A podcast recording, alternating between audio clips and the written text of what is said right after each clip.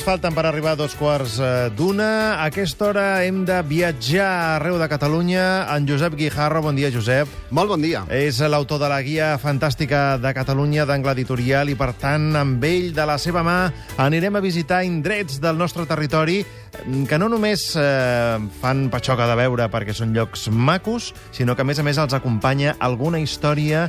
Brillen pels seus interrogants. Anem, anem a dir-ho així, eh, tot i que aquests interrogants no sempre han de ser fenòmens paranormals, poden ser coses històriques, poden eh, amagar per dir-ho així, alguna Llegendes. inquietud llegendària, pot amagar qualsevol cosa que ens fa eh, convertir el destí en una cosa inquieta, en un, en un quelcom més, no? El Josep diu, parla de la, de la paranormalitat perquè té un passat, bueno, i un present, I un eh? present, I un sí, present, sí. perquè ell havia estat lligat a revistes com eh, Massa allà, Allà, Carme 7.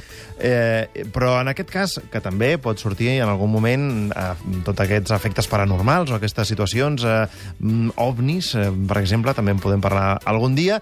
Avui eh, anirem a viatjar als Vilars d'Arbeca.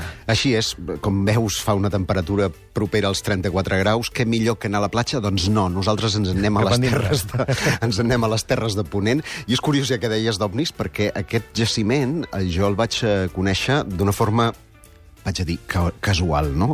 Eh, mentre eh, investigava un interrogant relacionat a les Garrigues amb uns cercles que havien aparegut en, en, un, en un camp concret de, de raïm, però eh, no té res a veure, eh? d'ovnis ni coses estranyes, sinó que anem a parlar d'un jaciment que és conegut com els Vilars d'Ar- d'Arbeca, una muralla, perquè no té una altra, una altra descripció, que està plena d'interrogants atès la seva antiguitat. Parlem d'una muralla que està feta al segle VIII abans de la nostra era, per tant, en un període íber, i que ningú sap de què, de qui es defensava i que el seu descobriment no deixa també, tampoc de ser molt curiós. De fet, parlaves de casualitats i, eh, tot i que aquest jaciment eh, el, que, el que mostra és molt i molt antic, estem parlant de molts anys abans de Crist, el descobriment del jaciment no és de fa tants anys. No, i a més es va produir també de forma molt, molt casual. Resulta que un veí d'Arbeca, que estava fent la mili a Tarragona, s'havia dut amb una capsa de sabates un grapat de, de, de, de quincalla i de trossos de ceràmica que havia trobat en un camp dels Vilars.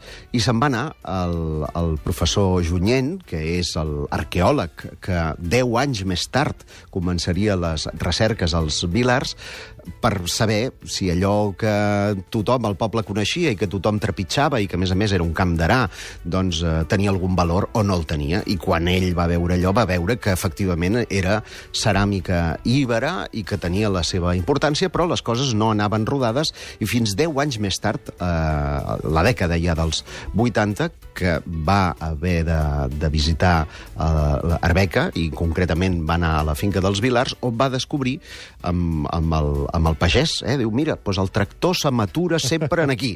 I allí estava Pica'm alguna el punt, cosa. el punt més alt eh, d'aquesta fortalesa que ja és estrany pel fet de que no hi ha cap turó de fet, el turó en si mateix era allà on s'aturava el tractor perquè, eh, clar, amb el pas del temps s'havien eh, anat reunint totes les runes, tot el, tot el material eh, arqueològic doncs, en, en un determinat punt. I quan van començar les recerques, quan van posar en marxa les excavacions, el que es va descobrir és un perímetre de 174 metres, un fusar de eh, 18 metres d'amplada i 4 metres de fundària, que anava eh, precedit d'un camp frisi, perquè, pel qui no sàpiga què és, eh, saps aquestes pedres tipus eh, astèrics i obèlics, eh? Doncs estava tot ple, no són menirs, eh? són més estretes, estava tot ple com per eh, evitar que algú pogués apropar-s'hi. I el que era encara més inquietant, per entrar a la fortalesa pròpiament dit, només hi havia uns portalons per als quals no hi passava ni un cavall. És a dir, que per, per accedir-hi s'hi havia d'anar de, de fila índia, eh? d'un un darrere l'altre. Clar, ben aviat, a més a més, estem parlant del segle VIII abans de Crist, eh, les guerres de setge no existien fins molts segles més tard, les, en el període íber les, eh, les guerres es feien a camp obert a base de, de casc, d'escut i de eh, masses i, i destrals, I que, pedres. Clar, és que estem, estem parlant de l'edat del ferro, i, i per tant tot això mm, són mm, preguntes que encara els arqueòlegs no han aconseguit respondre. Igual que una troballa certament inquietant, i és que en una dotzena de cases de l'interior d'aquesta fortalesa, que no hi tenia més de 150 habitants, s'hi van descobrir fetus de cavalls.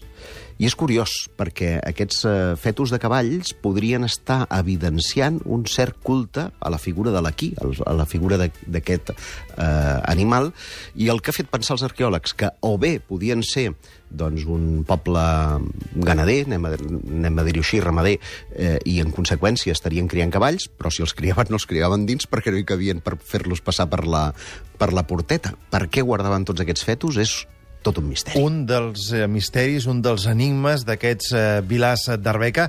Mm, quan la gent arriba als vilars d'Arbeca, què, què veu ara exactament? Ara eh, veu està tot al descobert, és veritablement espectacular. Si visiteu eh, la pàgina vilars.cat, que és la eh, pàgina oficial, podreu veure fins i tot unes fotografies aèries on eh, us quedareu bocabadats, perquè no hi ha constància arreu de la península ibèrica d'un poblat d'aquestes característiques. I el tenim aquí, a Catalunya, i és un gran desconegut eh, de casa nostra, malauradament. Jo crec que val la pena fer l'excursió, podem anar després a les Borges Blanques i, i, i fer altra mena d'activitats, però indiscutiblement jo crec que forma part d'un recorregut cultural, que és la ruta Ibera, que veurem senyalitzada, a més a més, a la carretera i que ens posarà en contacte amb aquesta civilització eh, inquietant, eh, per, per dir-ho així, per posar-nos en contacte amb aquesta fortalesa, de la qual ara està tot en l'aire. Estem parlant d'uns murs de 4 metres d'alçada eh, amb, amb tot un seguit de cases on estaven aquests 150 habitants i una altra cosa que no deixa de ser inquietant, no hi ha pedra al voltant. El jaciment del qual venia eh, tota aquesta pedra està situat aproximadament a uns dos quilòmetres.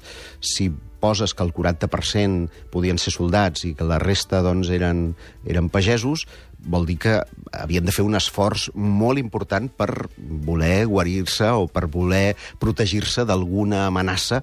Una altra de les tesis que s'ha proposat és que algun capdill, que algun príncep eh, volgués demostrar per dir-ho així, el seu, el seu poder.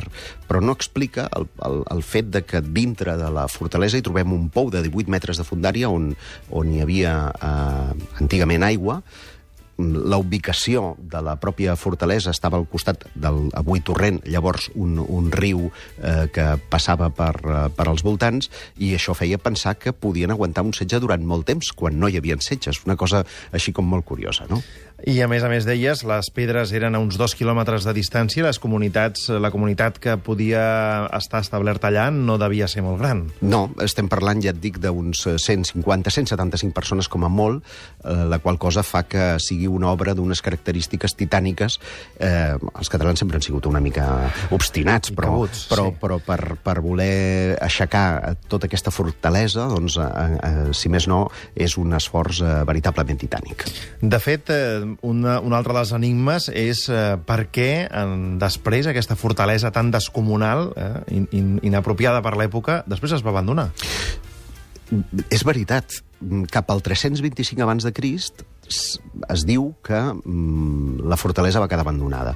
No hi ha evidències arqueològiques que recolzin la idea de que mm, fos vençuda. Mm, ans al contrari, sembla que la van deixar voluntàriament.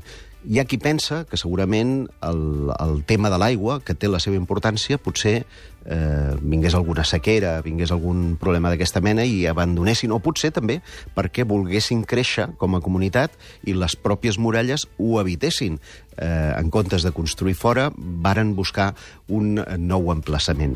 De tota manera, potser alguns d'aquests interrogants es podrien eh, resoldre si la, la part que mira a nord d'aquest eh, jaciment sembla que té ocult un nou fusar que estaria intercomunicat i que podria tenir un altre assentament. Però, si bé aquest primer assentament, doncs, eh, els propietaris, que eren privats, van cedir-ho eh, en aquest cas no sé si a la Generalitat o a l'Ajuntament, en fi, a, la- a, la, a la institució eh, diguem-ne que va facilitar que després es posessin en marxa les excavacions, l'actual propietari d'aquests terrenys no vol vendre i només tenim constància per allò que ara els arqueòlegs utilitzen moltíssim, que és el Google, el Google Earth, el fan servir moltíssim. I sembla que hi ha un segon eh, assentament que està cartografiat i que està fins i tot eh, analitzat a través d'electromagnetisme, amb aquests georradars, però no tenim encara cap evidència arqueològica, cap excavació eh, que pugui donar llum als misteris que ens plantegen aquesta fortalesa dels Vilars d'Arbeca. Un altre jaciment que estaria a tocar... Enganxat, sí. A tocar enganxat. -huh. uh, nosaltres, amb aquestes propostes que ens fa el Josep Guijarro en aquesta secció de la Catalunya insòlita que volem visitar els dijous al matí de Catalunya Ràdio,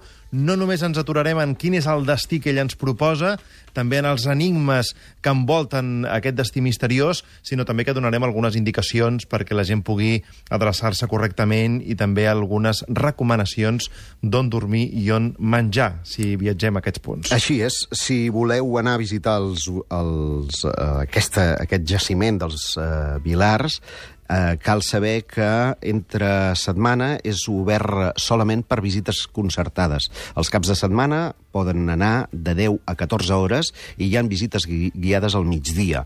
Hi ha un telèfon de contacte, que és el de l'Ajuntament d'Arbeca, el 973 160 008, repetim, 973 160 008 i podeu consultar la plana www.vilars.cat.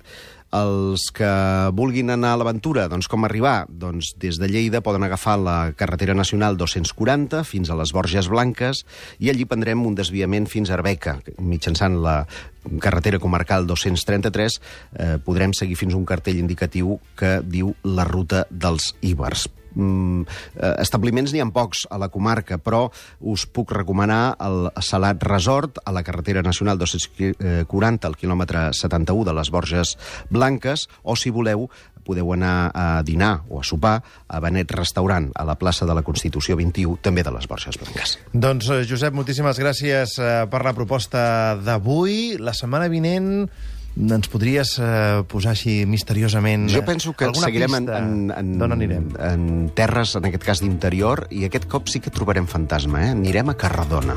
Anirem a Cardona a veure si hi ha fantasma o no hi ha fantasma al castell. Al Exactament. castell. castell mil·lenari, que, com saps, a més, té molt a veure amb tot aquest mo moviment i procés que s'està vivint a Catalunya. No? Ens veiem dijous vinent, Josep. Moltíssimes gràcies. Serà un plaer.